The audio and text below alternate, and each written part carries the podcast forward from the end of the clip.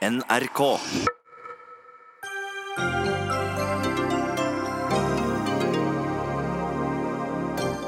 G20-møtet i Argentina er i gang. Kan møtet være starten på slutten for handelskrigen mellom Kina og USA?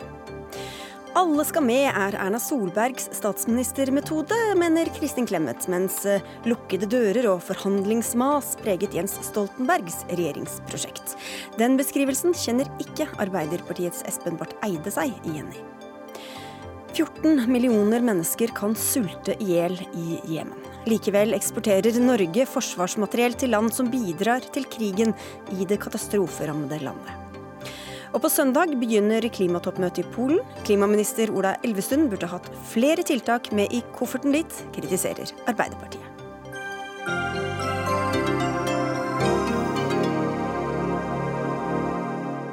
Akkurat nå samles statslederne for verdens 20 rikeste land i Buenos Aires til G20-møtets første dag. Og det er et spent bakteppe for møtet etter handelskrig mellom USA og Kina, med økte tollsatser og et mer fiendtlig forhold mellom de to stormaktene. I morgen skal president Donald Trump og den kinesiske presidenten Xi Jinping møtes til middag.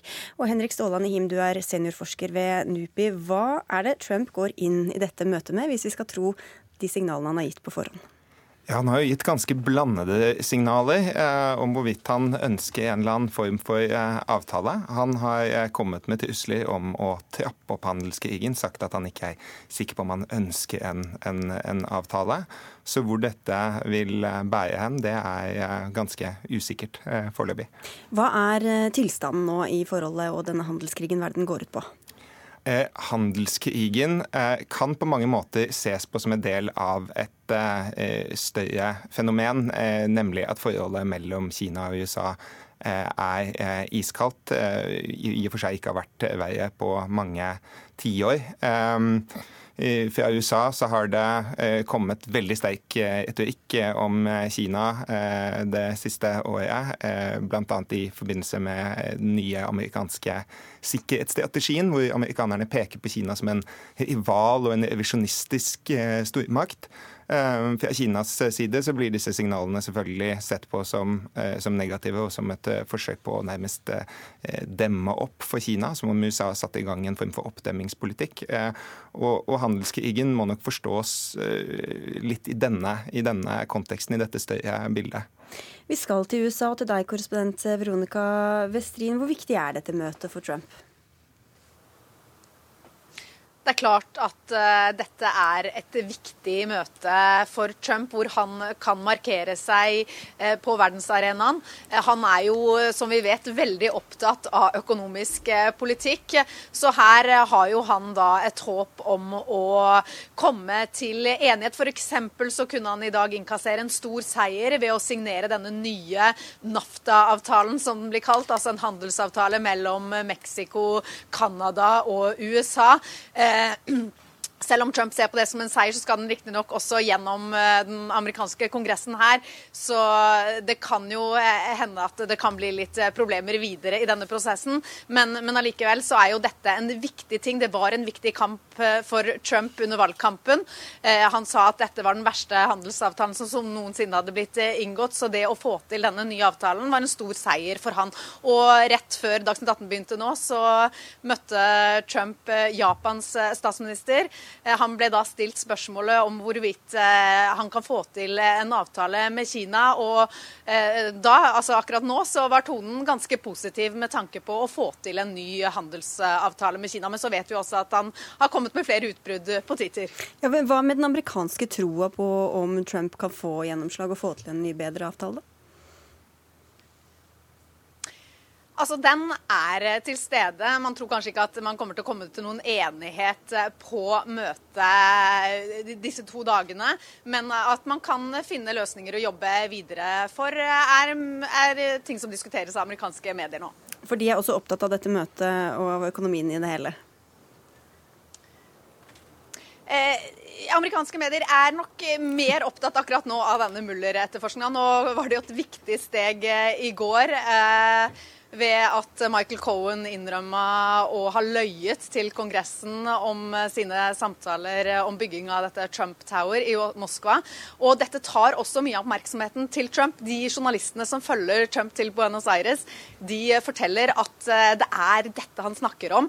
Han, eh, er, han har problemer på hjemmebane akkurat nå, og, og, eh, han skal ha brukt hele flyreisen, da, ti timer fra Washington DC og til Buenos Aires, til å snakke om denne Russland-etterforskningen. Så, så, det er nok også det temaet som opptar veldig mange her. Og også i dag tidlig så tvitra jo Trump om dette. Takk skal du ha, Veronica Westrin. Men noen ting har han jo rukket å skrive, som vi var innom eh, bl.a. på Twitter. Men hvilke signaler er det kommet fra Kina i forkant av eh, møtet? Eh, kineserne har som tidligere signalisert at de i og for seg ønsker å forhandle og komme frem til en enighet, men at USA må møte Kina Eh, halvveis. Eh, at de ikke eh, vil kunne etterkomme alle amerikanske krav, men at de i og for seg ønsker å, å få i stand en avtale og avslutte denne, denne handelskrigen. Så dette er jo viktig inn i møtet, men det har jo også skjedd andre ting eh, de siste eh, ukene og månedene. Og kanskje det mest dramatiske er jo dette drapet på den saudiske journalisten Khashoggi, som den saudiske kronprinsen altså mistenkes eh, å stå bak. Ole Jakob Senning, du er også forskningssjef ved, ved NUPI. Selv om dette ikke står på sakskartet, så kommer det vel til å prege møtet likevel?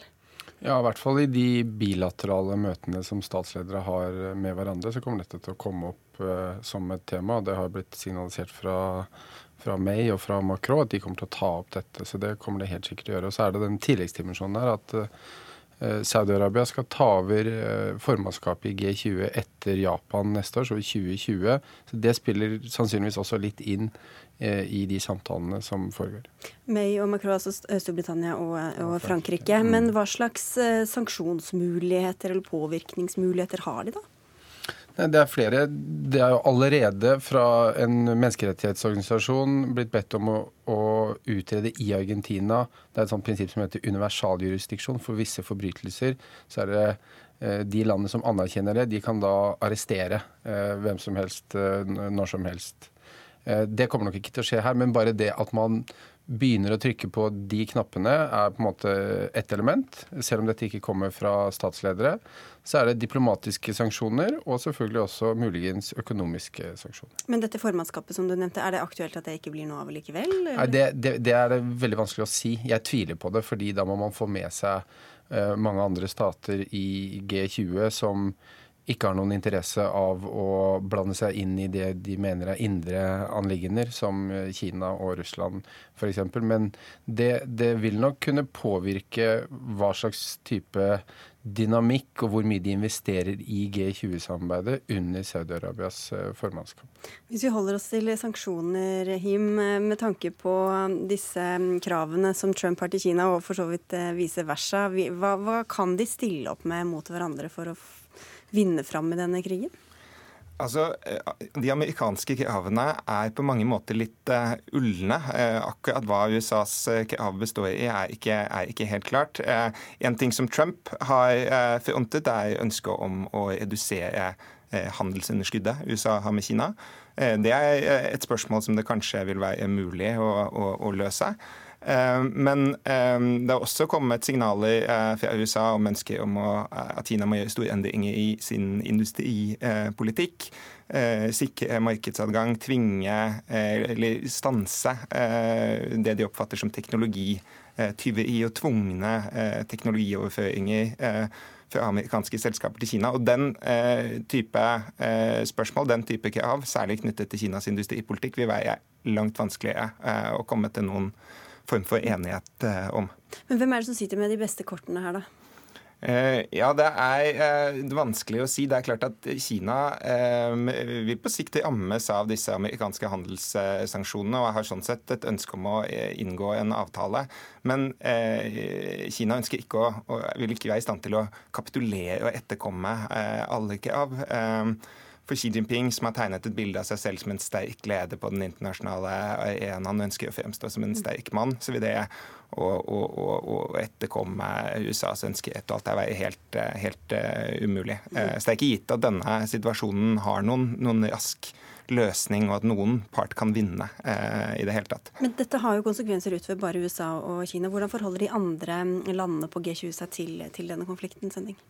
De eh, ser på dette selvfølgelig med veldig stor interesse, særlig de asiatiske landene. altså der er helt, helt uavhengig av G20-møtet så er det enormt stor nervøsitet selvfølgelig i Asia for eh, både for Kinas utenrikspolitikk, sikkerhetspolitikk i regionen, men for forholdet eh, til eh, USA. For det preger nå mer og mer alle mulige politikkfelt, ikke bare handelspolitikken. og det det jeg tror eh, vi må være forberedt på, er at dette kommer til å eh, pågå lenge, som Him sier. Og det er valg i 2020, så det er ingenting som tilsier at Trump har noen interesse av å uh, gjøre ting som vil svekke hans popularitet hjemme. Og det å ha en ytre fiende som man kan mobilisere på tvers av politiske skillelinjer rundt, er uh, kjent som en effektiv strategi i så måte. Hva skal til for å bedre forholdet, da? Eh, nei, det er eh, Altså, dette møtet kan jo isolert sett være en mulighet til å dempe noen av de langsiktige spenningene som er er i ferd med å oppstå eh, i, i, forholdet mellom Kina og USA. Men eh, det spørs om det er så, så, så, lett å få det gjennom. På mange måter så er dette strukturelt Det er vet, Kina er en, en stormakt i, i relativ vekst.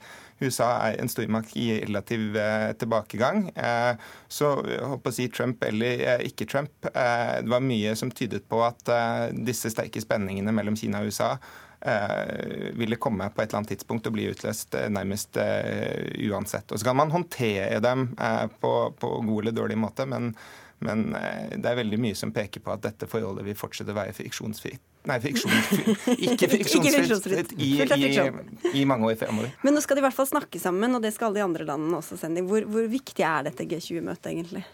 G20 er viktig uh, tre, på tre ulike måter. Det ene er at det er sånne pågående arbeidsprosesser på diplomatisk og byråkratisk nivå. Finansministre som håndterer alt fra reform av IMF, eh, skattepolitikk, finansiell stabilitet.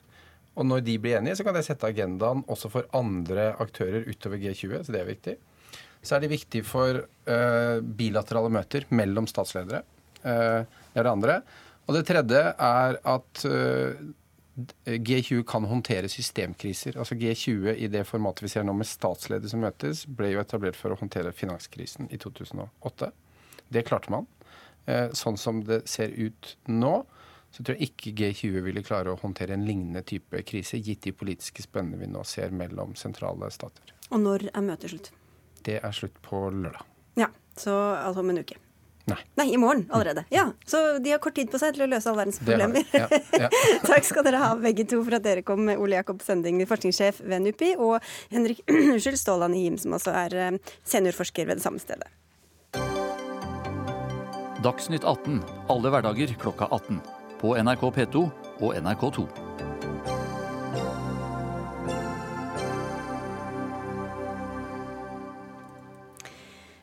Er ikke bare bare å sette sammen en koalisjonsregjering med partier med svært ulike hjertesaker og politiske prosjekt. Det kan sikkert bl.a. Erna Solberg og Jens Stoltenberg skrive under på, men hva er den beste måten å gjøre det på? Ut fra en kommentar i Aftenposten kan det virke som om statsminister Solberg har valgt en alle skal med-metode, mens tidligere statsminister Stoltenberg foretrakk en metode der forhandlingene mye foregår ikke bak lukkede partidører og mellom noen få. Det er du som skriver om disse metodene, Kristin Clemet, du er leder i Tankesmien eh, Civita. Sitat. Ernas metode som regjeringssjef er å være inkluderende, tillate åpne debatter, ta med alle og ansvarliggjøre hver enkelt. Sitat slutt. Hva mener du da er hovedforskjellen mellom dagens regjering og den rød-grønne som vi hadde for noen år siden? Altså, det dette dreier seg om, er jo arbeidsformene og beslutningsprosessene internt i regjeringen, eh, og særlig da i koalisjonsregjeringer. Og, jeg, og alle regjeringer arbeider litt forskjellig. Eh, men jeg mener at eh, Erna Solberg har foretatt noen gjort noen endringer fra særlig Stoltenberg II-regjeringen, men også andre tidligere regjeringer, som var ganske overraskende og ganske radikale. Um, og For å nevne et par-tre ting. da, For det første, Hun har jo ikke noen samordningsminister, slik Stoltenberg II-regjeringen hadde. Det er noe så. Men det som er det mest radikale, det er at hun har redusert bruken av det såkalte underutvalget, som er et lite utvalg i regjeringen, som består som regel bare av partilederne. Eh, redusert bruken radikalt. Det underutvalget det kom eh, så første gang dagens lys så vidt jeg vet, i 1983, da Willoch dannet koalisjonsregjering. Og siden så har bruken av underutvalget steget voldsomt. Og det nådde en rekord da under Stoltenberg II-regjeringen. Eh, og da var bruken så voldsom at regjeringens egne medlemmer opplevde underutvalget som den klart viktigste beslutningsarenaen. Det var altså ikke regjeringen selv som var det. Erna Solberg har redusert bruken nesten til null av underutvalget og uh, fatter da beslutningene i hele kollegiet, som nå er kollegiet. Regjeringen er viktigste beslutningsarena, slik det også var før Stoltenberg II-regjeringen, ifølge regjeringens egne medlemmer. Uh, og så har hun økt også bruken av det man kaller sånn partikryssende politiske ledelser. Det har, alltid vært flere regjeringer som har hatt det sånn at statsråder har en statssekretær eller politisk rådgiver, eller særlig statssekretær, fra et annet parti i regjeringen.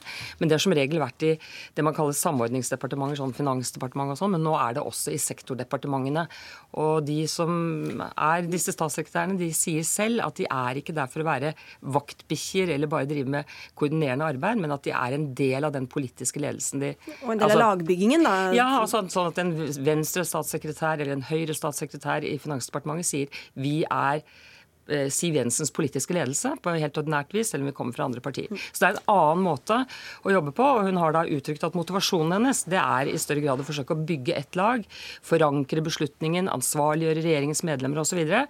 Og om hun greier det, det er jo mer et empirisk spørsmål som mm. forskerne må forske videre på. da. Men poenget her er vel også at dette står litt i kontrast til den rød-grønne regjeringa, mm. som du var del av, Espen Barth Eide, da som eh, utenriks- og forsvarsminister. Hvor godt eh, kjenner du deg igjen i det bildet som Clemet tegner her? Ikke veldig godt, for jeg opplever at uh, Jens Stoltenberg var en uh, veldig inkluderende og grundig og, og raus sjef som ville at alle sider av en sak skulle komme frem. Og også da opplevde vi helt klart at regjeringen var det viktige organet. Så var det slik at vi var da en trepartiregjering og en flertallsregjering.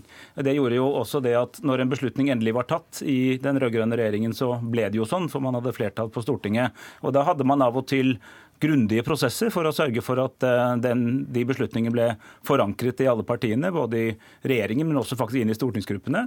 Eh, og jeg tror at det Kristin Clemet eh, hevder her, er egentlig bare forskjellen på om dette skjer formelt eller uformelt. fordi Solberg-regjeringen har jo frem til i vår vært en topartiregjering. Eh, det betyr egentlig at eh, hvis eh, statsminister Solberg snakker med finansminister Siv Jensen, så har de egentlig hatt møte i underutvalget, enten de kaller det det eller ikke. Så det kan egentlig være litt forskjell på formalisering eller ikke. Men i praksis så kan jeg ikke tenke meg at det er noen regjering i Norge hvor ikke partilederne snakke litt ekstra sammen, i tillegg til det man gjør eh, med alle statsrådene. nå er det jo blitt annerledes og kan bli enda mer annerledes. Men skjedde det aldri at du følte deg litt uh, utafor eller litt lite involvert og inkludert etter at uh, saken kom på bordet etter at underutvalget mer eller mindre hadde avgjort den? Ikke i saker som angikk de feltene jeg hadde ansvaret for, fordi at da var man jo nettopp med i de prosessene. Og så er det klart at det var saker som man skjønte i behandlingen i regjeringen at dette krevde litt grundigere avklaring mellom departementene. og da gikk man videre, og så kom man tilbake, og så ble beslutningene tatt i regjeringen. Men, men, men litt av poenget er vel at, at alle statsrådene skal være litt sånn involvert i alle de andres arbeid? Altså, jeg har bare sittet i Stoltenberg-regjering, jeg har ikke sittet i Solbergs-regjering, men jeg, jeg, får meg ikke helt til å tro at det ikke skjer uformelle prosesser. Men så har jeg lyst til å si at nå som vi er blitt ganske vant med det som nå kalles den solbergske parlamentarisme, hvor altså ikke minst Fremskrittspartiets statsråder kan ha et syn i regjering og et utenfor, så har jeg jo av og til tenkt at kanskje litt flere møter i underutvalget ikke hadde vært så dumt, da, slik at man fram, framsto noe mer samordnet. Fordi at vi ble jo Altså, man har jo snakket i snart tolv år nå uh, om at uh, noen SV-ere sto på plenen og protesterte mot uh, jagerfly til Afghanistan helt i begynnelsen. Det sluttet de jo med, og så ble det orden på de tingene der. Men nå er det jo nesten en daglig opplevelse at så sent som akkurat nå, så har vi altså en, et, et, regjeringsparti som reserverer seg mot FNs migrasjonsavtale, og, og, det skal da forvaltes av en justisminister som kommer fra det partiet som er uenig i det som er regjeringens syn ja, på det feltet. Dere har vel noen dissenser der også, men du foregriper litt mine planlagte spørsmål. for å ta det, gå ditt? Altså, jeg tviler ikke på at eh, Jens Stoltenberg er en inkluderende person. Det vi snakker om er arbeidsmåten. Og det er ikke påstander jeg kommer med, for det er selvfølgelig dokumentert på to måter. Det er foreligger forskning på Bondevik II-regjeringen og Stoltenberg II-regjeringen, måten man arbeidet på. Og det er dine kolleger, jeg vet ikke om du selv var blant de som ble intervjuet av forskeren, men det er dine kolleger som sa at underutvalget var blitt den desidert viktigste beslutningsarenaen. Og så foreligger det en del uttalelser fra medlemmer av den regjeringen. Kristin Halvorsen og Karl Eirik Schjøtt-Pedersen deltok f.eks. på et eh, åpent eh, frokostmøte i Civita, hvor de sa at de greide ikke Hun sa vi greide ikke å bygge ett lag. Vi greide ikke å få en god samarbeidskultur. Vi hadde en forhandlingskultur, og vi slet oss nesten ut på spill og spetakkel internt i regjeringen. som sa hvis jeg skulle gjort dette om igjen, så ville jeg gjort det på en annen måte. Det kan hende det så litt annerledes ut fra SVs side enn fra er Arbeiderpartiets nei, men side. han, Karl Eirik Schjøtt-Pedersen nikket og sa ja til det hun sa, at eh, man ikke greide å bygge den gode samarbeidskulturen. Men jeg vil si det er rett til én ting, eh, og det er selvfølgelig finnes det en indre krets. Eh, Selvfølgelig må man ha noe som et underutvalg, eller, så det er ikke kritikkverdig i seg selv å ha et underutvalg. Eh, Det, der kan man gjøre veldig mye mer, gjøre arbeidet mer effektivt. Det jeg reagerer på, og som jeg reagerte på selv som medlem av Bondevik II-regjeringen, og jeg ville nok reagert enda mer hvis jeg var medlem av Stoltenberg II-regjeringen, det er at bruken blir så veldig omfattende at det blir den reelle beslutningsarenaen. Det mener jeg også formelt sett er betenkelig. Husk på at alle statsråder er like ansvarlig for alle beslutninger som fattes. Og hvis man ikke er med på drøftelsene og i realiteten på beslutningene, så blir man ikke ett lag, man får ikke forankret beslutningene, man blir ikke ansvarliggjort, eh, og man får ikke til eh, samordning på en god måte. Og jeg tror også at jo mer man har greier å gjennomføre i regjeringen i plenum, jo bedre får man også belyst saker. Så jeg, jeg er overbevist om én ting. Alle regjeringer de lærer mens de arbeider, hvordan de kan arbeide effektivt. Men regjeringer lærer også av hverandre. Og dette overraskende trekket fra Erna Solbergs side med å redusere bruken av underutvalget Mitt tips er at den dagen Arbeiderpartiet er tilbake i regjeringskontorene med en koalisjonsregjering, så kommer de ikke til å gjenoppta praksisen fra Stoltenbergs eh, regjering. Jeg tror heller de kommer til å prøve å ha en, eh, en mer forsiktig bruk av dette underutvalget. Jeg, jeg, jeg må si at jeg opplever at dette sannsynligvis som, som, jeg sa, er litt forskjellen på om dette skjer uformelt eller formelt. Fordi, og det er stor forskjell på å være to og i mindretall. Nå er det tre, men det er jo ganske fersk av det meste av tiden under Solberg 2, altså frem til i vår, å være i mindretall. For det betyr jo at når man har snakket seg sammen i regjeringen, så skal man fortsatt forhandle i Stortinget. Men til dette Kristin Halvorsen har sagt at de fungerte ikke som et lag. Ja, Jeg opplevde at jeg var på lag med henne. Eh, Jeg kan jo ikke snakke for hennes oppfatning. Jeg mener at vi var et lag. Vi var tre partier. Husk på at vi fattet noen veldig store beslutninger som kanskje ikke alle hadde trodd. En ting jeg jobbet med, var kampflykjøpet. Det er den største anskaffelsen i Norges historie. Enkeltanskaffelsen. Du hadde ikke i utgangspunktet sett for deg at man skulle få til det med f.eks.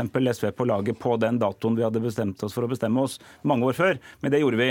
Og det var jo fordi man hadde grundige, gode inkluderende prosesser som til slutt da alle kunne stå bak. Men- men- Pensjonsreformen er en annen stor Ja, suksess. men, Men jeg- nei, Kristin litt, for som det Barth var inne på. For En annen måte å se på det på er jo som han sier, at Erna Solberg har latt veldig mye passere som Jens Stoltenberg ville slått ned på av uttalelser og oppførsel fra egne statsråder, som ikke bare har skapt dette samholdet, men også har skapt veldig mye støy. Er det også en del av Erna Ja, ja Solbergs det, det tror jeg vi må kunne si at eh, det er, og det blir jo diskutert, ble også diskutert på dette frokostmøtet, at eh, er det et gode eller ikke. For så har jo Erna Solberg blitt kritisert for at hun f.eks. kan si, eh, etter at man ble enige om et forlik med Kristelig Folkeparti innføre en lærernorm, så sier hun at det er ikke noe vi, eller jeg var for, jeg var rett og slett mot det, men dette er en seier som Kristelig Folkeparti har fått.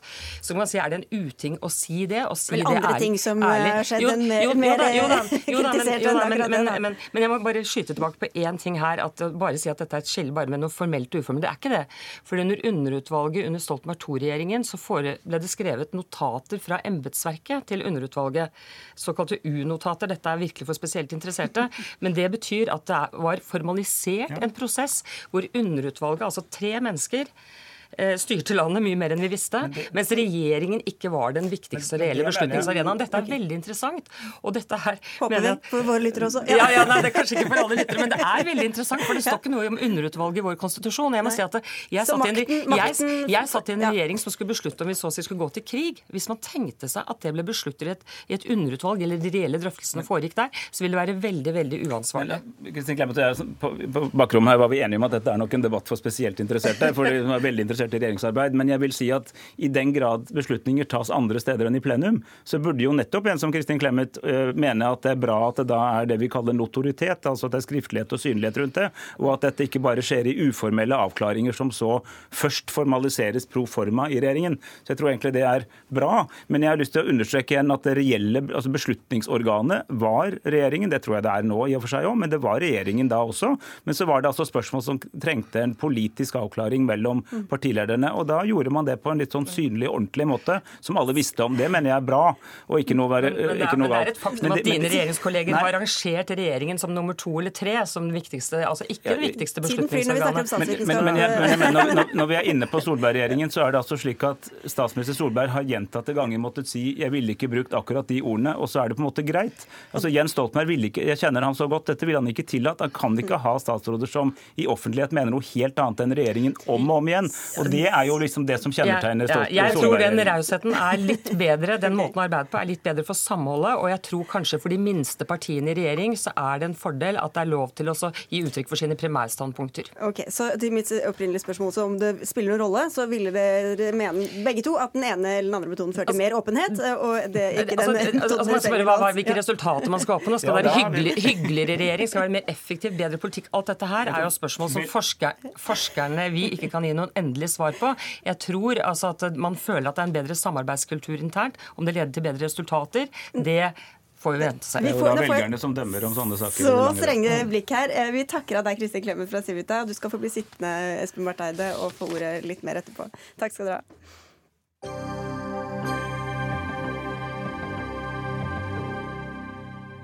I dag inviterte klimaminister Ola Elvestuen en rekke aktører fra norsk samfunnsliv til diskusjon. Temaet var hvordan Norge skal forholde seg til rapporten fra FNs klimapanel fra forrige måned, som beskriver forskjellen i konsekvensene på en global oppvarming på 1,5 grader og en på 2 grader. Men bare siden den gang er det kommet nye rapporter og studier som viser at temperaturen fortsetter å stige, og at CO2-nivået i atmosfæren fortsetter å øke. Så foreløpig går det jo feil vei, klima- og miljøminister Ola Elvestuen. Men fikk du noen glupe innspill under dagens møte? Ja, det jeg får er at det er veldig mye vilje til å gjøre mye mer og gjøre det raskt. Det er det ikke noe tvil om. Det er det brei enighet om i, i norsk eh, næringsliv. Og så er det at man virkelig tar på alvor den 1,5-gradersrapporten, som jo viser at vi må stoppe den globale oppvarmingen på 1,5 grad, og ikke tillate den å gå opp i to grader. Forskjellene og konsekvensene er for store. Eh, og fordelene med å handle raskt er også så åpenbare at det er det vi må gjøre. Men så er det riktig som du sier, er at vi må organisere oss eh, sånn at vi når disse målene, og det må en voldsom mobilisering til for å klare det. Fordi målet og virkelighetsbeskrivelsen kan dere alle være enige om, men så er det jo ofte det butter når det kommer til virkemidlene. Eh, Hans Christian Gabrielsen, du er LO-leder og du var med på møtet i dag. Tradisjonelt så har det vært motstridende hensyn mellom industri, dine, eh, dine, eh, de som er organisert hos deg, arbeidsplasser, og, og klimahensyn på den andre siden. Hvor mange jobber i fossilbransjen eller andre forurensende sektorer er du villig til å ofre for å få til de målene dere har satt dere? For det første så vil jeg bare starte med å si det at det er nok en liten myte det der at LO ikke har vært opptatt av klima. Vi har jobbet med med klimaspørsmålet i flere tiår. Eh, og det som vi nå har vært eh, sammen med bl.a. NHO og arbeidsgiversiden om, det er jo å levere både til forrige og denne regjeringen forslag til hvordan vi raskere kan nå eh, målene våre, og på hvilken måte vi kan gjøre det, samtidig som vi skaper nye jobber til erstatning for jobber som måtte bli borte. Og Det er jo nettopp det vi også diskuterte på møtet i dag. Hvordan er det vi for det første kommer i mål raskere, for det denne rapporten viser med all tydelighet, det er at det er en stor forskjell mellom to grader og halvannen grad, både i forhold til eh, betydningen for folks levebrød, næringslivet, kommuneøkonomi osv., og, så og, og hvordan vi faktisk kan gjøre det på en sånn måte at vi skaper nye jobber sikrer en rettferdig omstilling for de som blir berørt. Stein Lier Hansen, du er administrerende direktør i Norsk Industri, som også organiserer norske industribedrifter. og Du har tidligere sett på LO som en bremse i klimaarbeidet. Hva er eller har vært problemet, sånn som du ser det?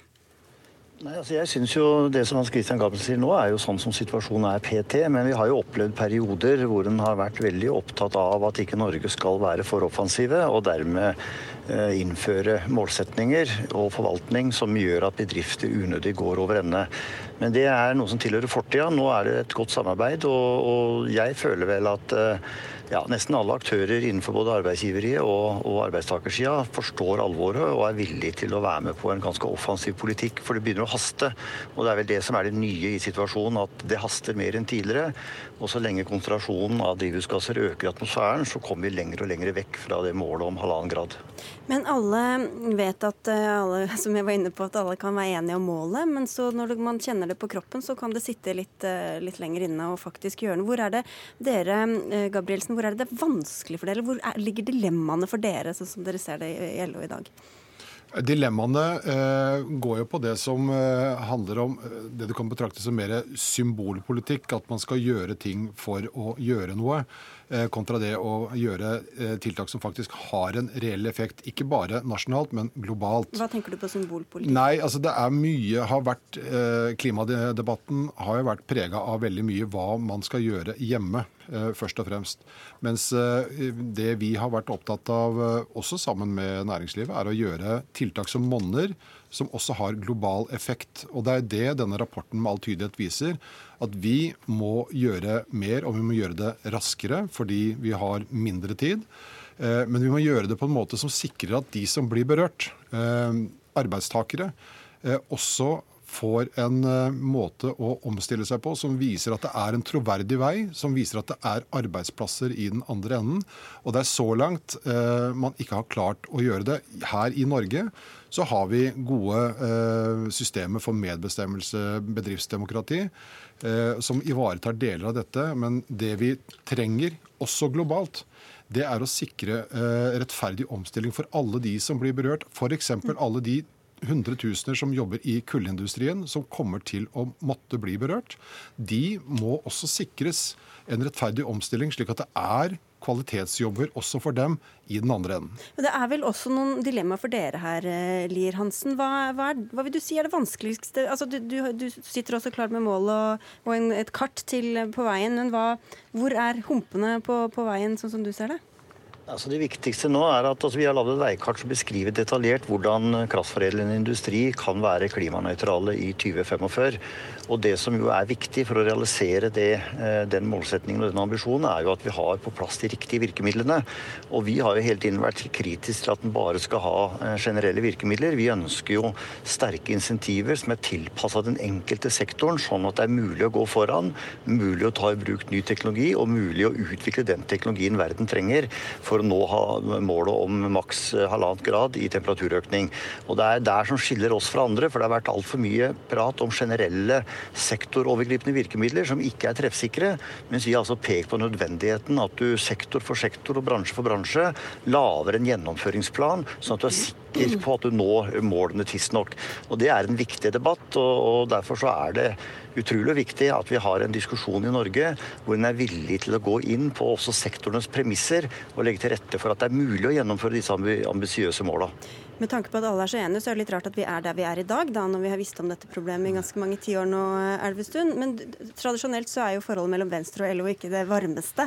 Eh, nå ber du om innspill, og du har det med på laget. Men hvor, men, hvor opplever du at, eh, at, det kan komme dilemmaer eller komme vanskeligheter mellom, mellom dere og mellom og industrien og LO osv.? Jeg tror at den 1,5-gradersrapporten er så alvorlig at den endrer også diskusjonen. Diskusjonen om du skal handle hjemme eller ute, den er på mange måter over. Du må gjøre begge deler.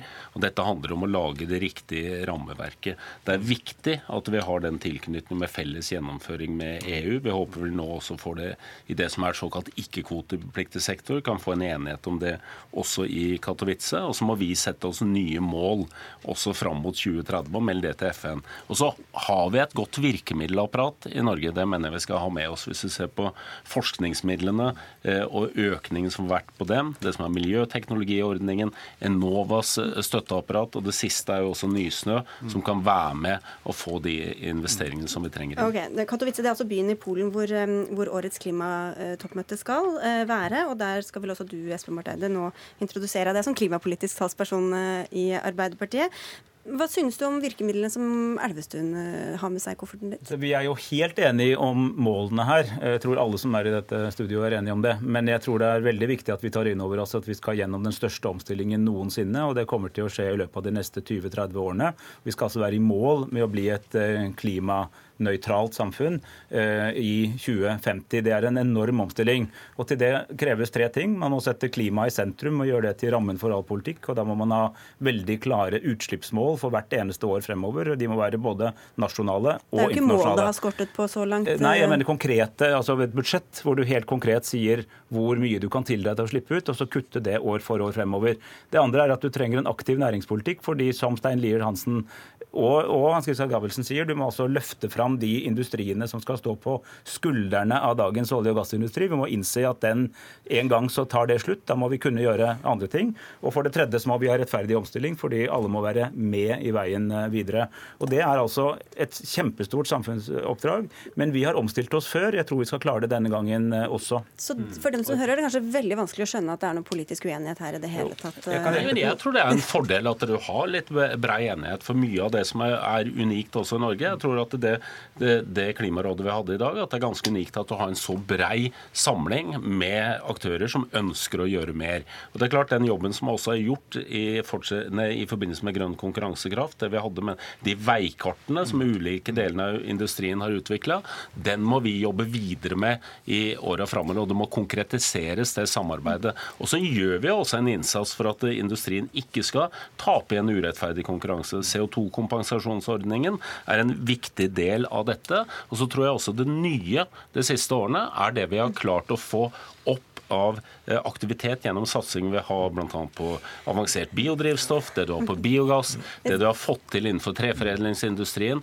der det kommer nye investeringer okay. som kommer inn. Men så er det en ting som ofte blir kalt elefanten i rommet, dette her, og det er jo rammebetingelsene for olje- og gassindustrien. Nå ser jeg ned i bordet, og så kan den av dere fire som ønsker å gjøre noe med dette, ta ordet nå. Jeg. Jeg mener, at, uh, vi er nødt, ja, jeg mener at vi er nødt til å ta inn over oss. Ikke minst nå denne uken så kom altså også EUs uh, EU-kommisjonens nye plan for klimanøytralitet med en mm. kraftig utfasing av olje og gass til null olje og veldig lite gass i 2050. Det kommer til å gjøre noe med vårt viktigste eksportmarked. Det er der gassen går. Hva kommer det, til å gjøre med det? det altså, de, markedet kommer til å endre seg. Ja, Så markedet skal endre det? Det skal ikke gjøre seg fra politisk hold? Nei, altså det var den første delen av setningen. Markedet kommer til å endre seg. Det må vi forholde oss til. og Det betyr at vi må tenke gjennom eh, helheten i det regimet som styrer olje- og gasspolitikken. Det har vært veldig bra. men vi kan ikke fortsette i all evighet med det, så vi trenger også en bred nasjonal diskusjon om når det eh, regelsettet skal endre seg. Så gi ordet til Gabrielsen også. Ja, altså, eh, alle, jeg tror alle innser at uh, f.eks. petroleum som, som forbrenning, altså til drivstoff, at det vil fases ut Eh, til fordel for elektrisitet, for biodrivstoff, hydrogen, andre, andre, andre energiformer. Men man må huske på at, at olje og gass, spesielt eh, olje, inngår i en rekke andre uh, innsatsfaktorer. Altså det, bare, uh, I 2017 så la vi altså 2 770 000 tonn med asfalt, hvorav 40 er uh, råolje. Dekkene til elbilene som ruller på denne asfalten, er så laget ut mikroplast nei, men, ja. poenget, poenget mitt er det, det som, jo, men altså, Poenget er det som har gjort at du har fått en helt annen type dynamikk i debatten, er at man nå ser på hvilke nye næringer er det som kommer. Du anviser hva som kan komme til erstatning for. Du får en helt annen type debatt enn den debatten som var for bare inntil noen år siden, hvor man bare skulle legge ned og kutte. Og Det er der du klarer å bidra til å få mer konstruktive Kan vi hente fram opposisjonspolitikeren i deg igjen, Elvestuen? Ja. Nei, vi får, vi får, jo nå en rapport også om klimarisiko for Norge, som skal legges fram den 12.12. Kommer til å bli viktig for denne diskusjonen framover. For det er klart at olje og gass kommer til å bli mindre viktig i åra framover, og vi må lage en politikk for det. Men så er det også noe, sånn som i Klimarådet i dag, det er samstemt at vi må utvikle karbonfangst og -lagring.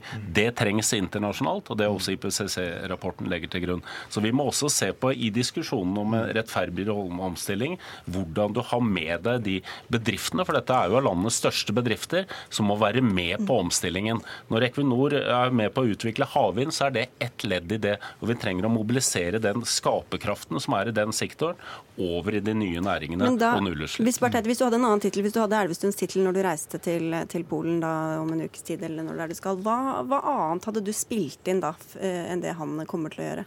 Altså, en helt konkret ting er at Jeg ville akkurat som han prøvd å sluttføre denne avtalen med EU, som er veldig viktig, og egentlig på nøyaktig det premissene. Det var jo ikke en annen ting Nei, akkurat da. Men jeg ville også sagt at vi avstår fra å bruke de såkalte fleksibilitetsmekanismene i ikke-kvotepliktig sektor. Det er et veldig teknisk begrep, men det betyr at de utslippene som, eh, som skal kuttes i det som er utenfor det vanlige kvotesystemet, de skal vi klare å ta her hjemme. Altså Der det er- landbruk og sånne ting. Landbruk, eh, transport hjemme, eh, småindustri, eh, avfallsforbrenning. Det er en viktig forskjell, for vi mener at der er det viktig at vi tar våre egne grep. Både ut fra et klimapolitisk hensyn, men også for å drive fram nye næringsløsninger som vil være fornuftige i det lange løp. For øvrig er det mye Elvestuen og jeg er enige om.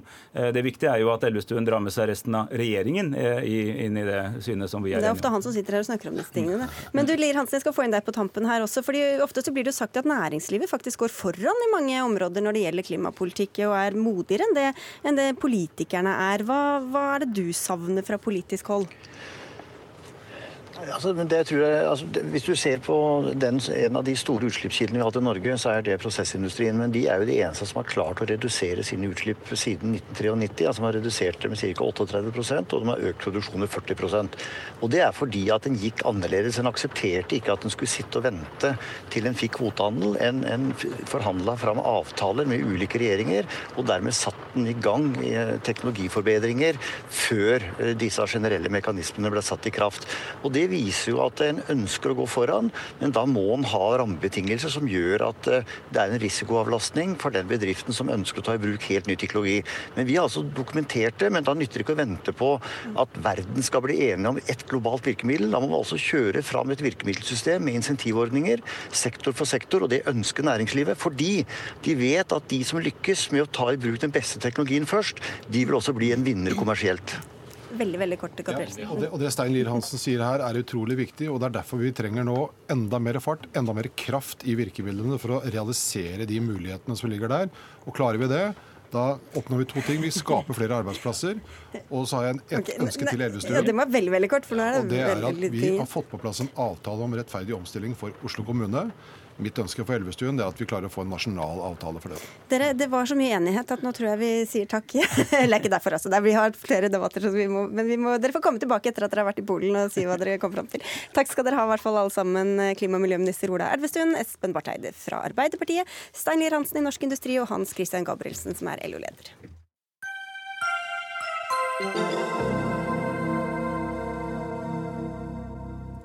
Du har eh, kanskje sett eh, bildene, hvis du i det hele tatt orker å forholde deg til dem, av utsultede barn i et bombet og katastroferammet eh, Jemen. Ifølge FN står 14 millioner mennesker der i fare for å sulte i hjel, og situasjonen er så desperat at barn må spise blader for å overleve.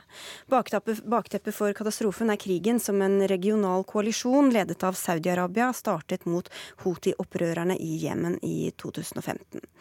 I Norge har regjeringa besluttet at det ikke skal selges våpen og ammunisjon til de krigførende landene, men fortsatt får flere land, deriblant De forente arabiske emirater, kjøpe militært materiell, såkalt B-materiell, fra Norge.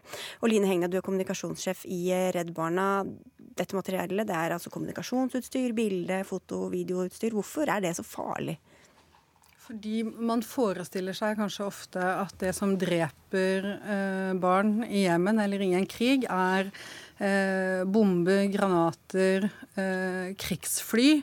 Eh, men i en krig som Jemen så eh, brukes eh, sult som en krigsstrategi.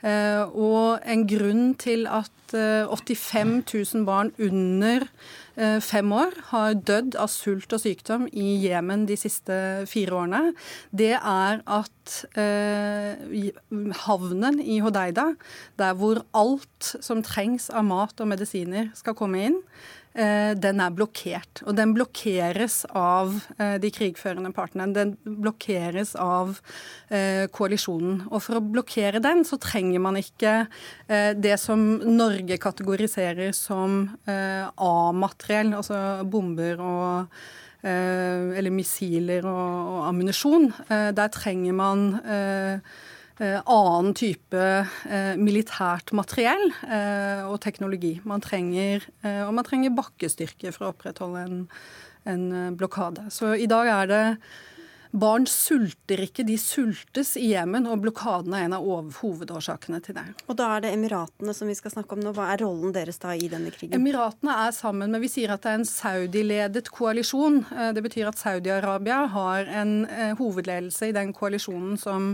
kriger i Jemen. Men eh, Emiratene er en av de hoved... Altså de mest aktive okay. i denne, denne krigen. Og det er de som har flest bakkestyrker. Michael Tetzschner, du er først nestleder i utenriks- og forsvarskomiteen ja. og representerer altså Høyre. Etter vi må kunne si en del langvarig og, og kritikk og press, så sa regjeringa i begynnelsen av måneden at de ikke vil godkjenne nye lisenser til Saudi-Arabia, bl.a. pga. denne situasjonen i Jemen. Men hvorfor fortsetter da eksporten til Emiratene, som vi hører er like aktiv omtrent? Ja, Nå er det et føre var-prinsipp som er lagt til grunn. Det er nettopp at man eh, vil eh, i en kaotisk situasjon sikre seg at man har eh, oversikt. Det som er det regelverket som Stortinget har vedtatt, og som følger opp årelang norsk politikk på området, det er at norske våpenprodusenter ikke kan selge våpen til land hvor, som enten er i krig, eller hvor krig truer. Og Det er altså da snakk om eh, inns, eh, denne innstramningen som har funnet sted overfor først Saudi-Arabia over flere år. Det er forbudt, det har vært forbudt i flere år å selge våpen og ammunisjon til Saudi-Arabia. Og i 2016, når det gjelder Forente arabiske emiratene, så satte man også på vent eh, Da var det ikke snakk om våpen, det var snakk om ammunisjon. Så det man snakker om her, det er annet material, materiell som kan ha ja, det, det, har vi vært innom. Men ja. hva er det, poenget er å fordi finne norsk, hva er forskjellen? Jo, fordi, ja. fordi, eh, det som først og fremst regulerer eh, landenes politikk, det er eh, begrensningene som man har underlagt seg. Fortsatt er det nasjonal, nasjonalt ansvar å utvikle det regelverket, men det er at vi nettopp passer på at norske våpen ikke ender i slike krigssoner som dette. Og det er heller ingen, på tross av påstander, fra en del NGO-er, organisasjoner som følger veldig nøye med, og er glad for at organisasjonene følger godt med.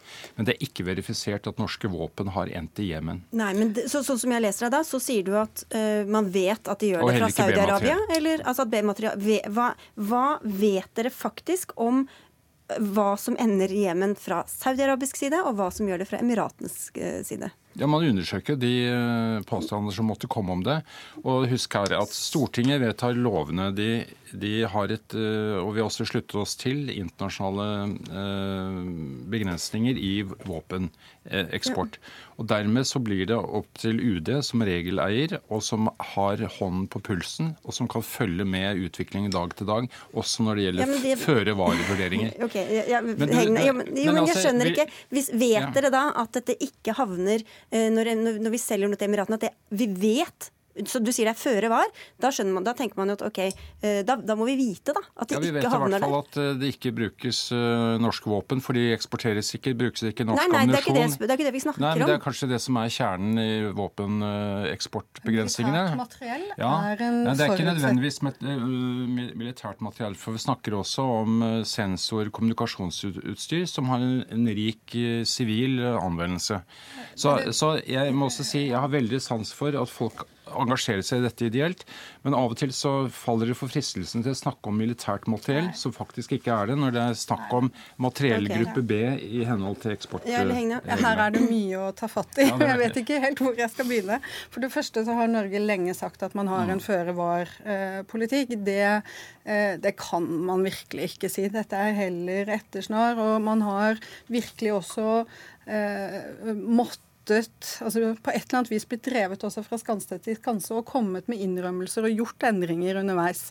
Eh, så, så dette um, føre var kan man heller ikke si.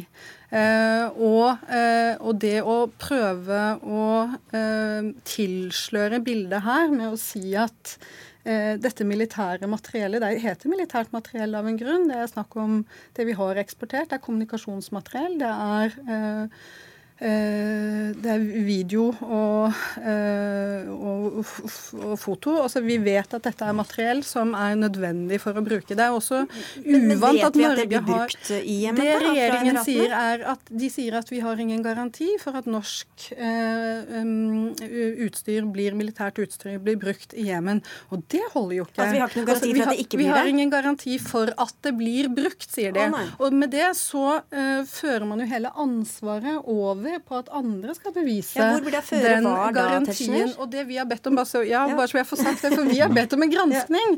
Og det har vi hele tiden sagt. Det kan ikke være opp til eh, organisasjoner, journalister, eh, å eh, gjøre denne jobben som ansvarlige stater eh, bør ta. Vi, En granskning burde være et minimum. Og det vi ser, er at journalister som gjør undersøkende arbeid, mm. finner hull i dette. Senest okay, i går. Ja. Du må bare, bare si at uh, det er våpen som dreper. Det er ikke jo, men Nå snakker vi ikke om det, nå snakker vi om dette andre, jo, det, det, som vi faktisk jo, jo, eksporterer. jo, men jeg, jeg syns vi skal ha en høy moralsk standard, og da er det selvfølgelig bruk, jo, men, våpen som dreper. Jo, men Kan vi ikke forholde oss til det som er tema her? At vi snakker om dette, om dette B-materiellet. Altså, Hva vet vi om hvorvidt det er Fordi du, du er jo enig i at man trenger det også, det, det vi eksporterer for å føre krig, men også selvfølgelig kan brukes i mange andre ting. Ja, det er du altså, enig i? Ja, men det er jo altså ja. men, men, men, hvordan vet vi da vet vi om dette ikke blir brukt? Hvis Nei, den føre var, vet vi at det ikke blir brukt? Jeg, jeg skal gi, gi, deg et uh, medhold i én ting, og, og, det er ikke opp til NGO-ene, altså de frivillige organisasjonene, å, å granske dette. Derfor har FN nedsatt et panel som følger utviklingen i Jemen. Og de gir rapporter, og de gir anbefalinger. Så det er ingen som har eh, stanset B-materiell på dette grunnlaget som det her er sagt. Fordi det eksporteres ikke til Jemen.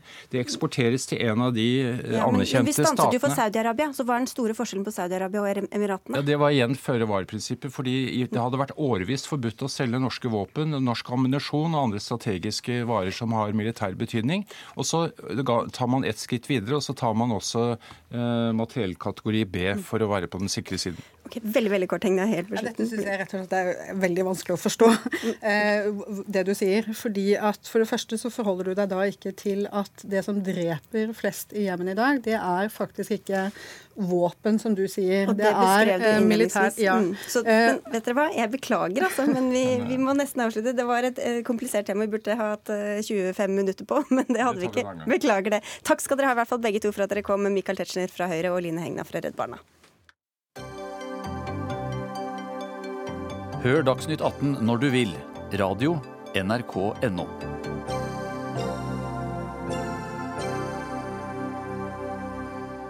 For vi skal snakke om abortnemndene, som både har blitt utskjelt og forsvart under den pågående abortdebatten denne høsten. Nå er helseforetakene i gang med å kutte antallet nemnder, på oppfordring fra helseminister Bent Høie. Og denne uka ble det klart med hvor mye. Ingen kutter flere enn Helse Nord, som fjerner over halvparten av sine nemnder og går fra 11 til 5. Nemndene avgjør som kjent om gravide kvinner skal få ta abort etter uke 12, som er grensa for selvbestemt abort. Siv Dagny Aasvik, du er ordfører i Hadsel og leder for Arbeiderpartiets eh, kvinnenettverk i i Nordland. Dette gjelder jo få kvinner, og for de aller fleste bare én gang i livet. Hvilken rolle spiller det om de må reise fem eller 50 mil, da? Ja, den, den, ene gangen i livet er ganske avgjørende for resten av livet ditt. Og det er viktig at når du skal bli hørt av ei nemnd om noe som er så viktig for ditt liv, så skal du få en reell sjanse til å bli hørt. Og vi er bekymra for at nå så reduserer regjeringa Eh, kvinners mulighet til å bli hørt i en veldig vanskelig livssituasjon. Sveinung Stensland, du sitter på Stortinget for Høyre og er nestleder i helsekomiteen. Det er også snakk om gravide som er kommet ganske langt på vei, og som gjerne har fått en forferdelig dårlig nyhet og har måttet ta et skikkelig vanskelig valg. Hvorfor vil du pålegge dem mye lengre reisevei i tillegg? Dette er ikke noe som helseministeren plutselig fant på. Det har jo vært en lang prosess, og den ble faktisk starta mens Jonas Gahr Støre fra samme parti som Aasvik var helseminister. Jo, men svar på spørsmålet. Ja, det som, det som ble satt ned, det bestod av leger, og jurister og fagfolk fra hele landet, og der var de veldig tydelige på at eh, det var mange nemnder som ikke drev godt nok. Det var lovbrudd i enkelte nemnder. Det var store forskjeller i behandlingen. Og i noen tilfeller så ble det gjort beslutninger uten at nemndene i det hele tatt møtte kvinner. Eksempler på at kvinner ikke møtte, fikk tolk når det var nødvendig. Så, så, det var en klar anbefaling som kom i 2013 på at antall nemnder må ned for å sikre at alle nemndene holder en god Men dette er da fem år siden. Hvordan vet du at dette er representativt en dag i dag? Ja, Så ble jo prosessen starta med hvordan skal en håndtere det her. Eh, Det har ikke vært store endringer i nemndstrukturen de siste årene, men for et år siden så ble det besluttet at nå må en følge opp det her.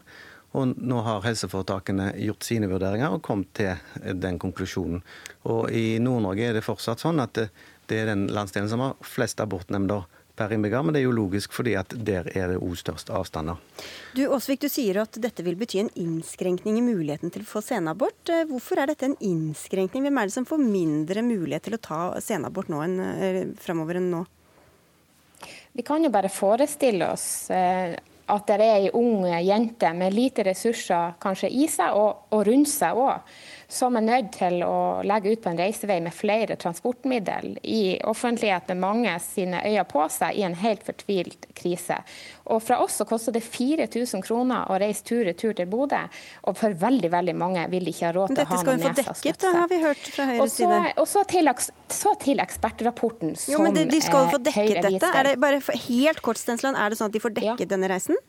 Ja, det er jo, Vi har jo en ordning med pasientreiser som dette nok vil falle Ja, inn Så da gjelder ikke det da, Åsvik? I tillegg, det, er det det så, som I tillegg så det jo sånn at vi òg legger opp til nå at alle kan gå på sitt lokale sykehus og ha den konsultasjonen via video, så en slipper å reise Ja, ok, i det, Det er en annen sak. Men, men OK, Åsvik. Så, så da mener du at det er med all økonomisk respekt. Ja, kom igjen. Med all respekt å melde, ei jent, ung jente eller voksen dame i en fortvilt livssituasjon fortjener en bedre behandling enn å sitte på videokonsultasjon og brette ut livet sitt. Og så til ekspertrapporten som Høyre viste. Det er en seks år gammel rapport. Det er ikke tilfelle at denne rapporten viser at det er lett noen steder å få abort, og at det er vanskelig andre steder. Det rapporten viser derimot, er at systemer og rutiner rundt nemnden ikke er gode nok. Og det er fort, det er godt mulig å gjøre noe med uten å fjerne antall nemnder. Så spørsmålet er hvorfor har Høyre sittet med dette ansvaret i fem år uten å ha gjort noe med systemen og rutinene rundt nemnden, som nettopp er problemet, ikke antallet nemnder. Hvorfor kan man ikke heller skolere de, de som sitter i nemnd, og sørge for at man får lik behandling, i stedet for å kutte så drastisk i antallet? Jeg forstår at Arbeiderpartiet prøver å gjøre dette til partipolitikk. Eh, Dette er faktisk et, en faglig utredning, et faglig arbeid, og det er heller ikke en politisk beslutning. Ja, men Eh, Hvorfor kan dere ikke heller gjøre om på nemndene i stedet for å, å halvere dem? Hvorfor kan dere ikke heller sørge for at man får lik behandling, og, og, akkurat, og lære opp legene som sitter der? Det er jo akkurat det vi gjør. Vi gjør om på nemndene i tråd med de faglige rådene vi har fått fra fagfolk fra absolutt hele landet. Og det er faktisk vår plikt å sørge for at de som møter i nemnd, møter i profesjonell nemnd, er kompetent nemnd og er erfaren nemnd. Og vi har jo eksempler på nemnder som har fire kvinner på besøk i året. Og da kan en ikke si at det er veldig mye erfaring som bygges opp. Så det er det som er bakgrunnen, at noen nemndene har så få for så få, få kvinner som kommer dit, at de aldri får erfaring. Så jeg mener jo tvert om at å ikke redusere nemndene, det ville vært uverdig, fordi en hadde ikke klart å fått et høyt nok saksomfang. Og der, der, okay. Derom er det da en faglig diskusjon, og vi fra Høyre har valgt å stille oss bak rådene fra Helsedirektoratet og det arbeidet som ble igangsatt for flere år siden. Altså, de må jo også reise uansett. Det er jo de færreste som har en sånn nemnd rett utenfor døren. Så er disse ekstra milene så vanskelige at det er verdt å opprettholde et nemndsystem som da bare fungerer sånn halvveis, som vi hører her? Eh, Nordlandssykehuset påpeker jo som faginstans at det ikke er lagt frem noe som beviser at nemnder med et stort antall saker oppfyller regelverket bedre enn nemnder ved færre saker. Det er det ikke noe som vises i rapporten. Eh, De viser tvert imot til at eh, de er bekymra for at eh, større avstander, vil gjøre at mange damer i distriktet ikke får en likeverdig helsetjeneste som kvinner som bor nært et stort sykehus med nemnd. Altså Det som Høyre gjør nå, det er å innføre et klasseskille mellom de som har masse ressurser i, i seg, og også rundt seg, og penger til å ta noen med seg og, eh, til hjelp, og de som ikke har det. og mellom de som bor i byen med nemnde, og de som bor langt unna. Det som, Høyre, det som gjør nå, det som Høyre gjør nå Er er å følge veldig Men, men Stensland, du, Ja. et øyeblikk her. fordi at Ja. I dag er det ikke sånn at man faktisk må møte til disse nemndene, men samtidig som dere gjør dette, så vurderer dere altså å fjerne abortlovens paragraf 2c, som gir selvstendig grunn til senabort på grunnlag av alvorlig sykdom hos fosteret. Og da sier nesten alle som har innsikt i dette, at framover, hvis denne endringen skjer, vil kvinnens situasjon måtte veie tyngre, sånn at den gravide vil måtte forklare hvorfor hun ikke er i stand til å ta vare på et sykt barn, og nødvendigvis møte opp i nemnd. Hvorfor tar dere dette grepet før dere vet om det blir en endring i abortloven eller ikke? Eh, det var en veldig søkt problemstilling. Først av alt så er det ikke aktuell politikk det du beskriver. Det er noe som er en diskusjon på veien mot kanskje en ny regjering.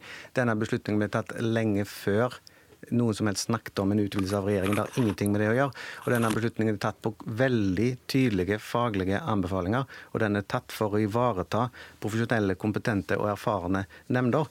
Eh, det er det som er bakgrunnen, og det har ingenting med at Høyre vil ting som helst. Det har med at Høyre vil ha best mulig nivå på disse nemndene. Og når okay. rapportene peker på lovbrudd, peker på lav kontinuitet og forskjellsbehandling, og, krav, og, det som er det viktigste innspillet, er å gå ned i antall nemnder og sørge for at nemndene blir best mulig. Mm. Da følger vi det rådet, okay. fordi det er et faglig godt kvalifisert råd. Det er greit, så får vi se hvor søkt det blir um, etter hvert. Takk skal dere ha begge to, altså Sveinung Stensland fra Høyre og Siv Dagny eh, Aasvik fra Arbeiderpartiet. Dagsnytt 18 er over for i dag. Jarand Ree Mikkelsen, Lisbeth Sellereit og jeg, Sigrid Solund, ønsker en fin helg.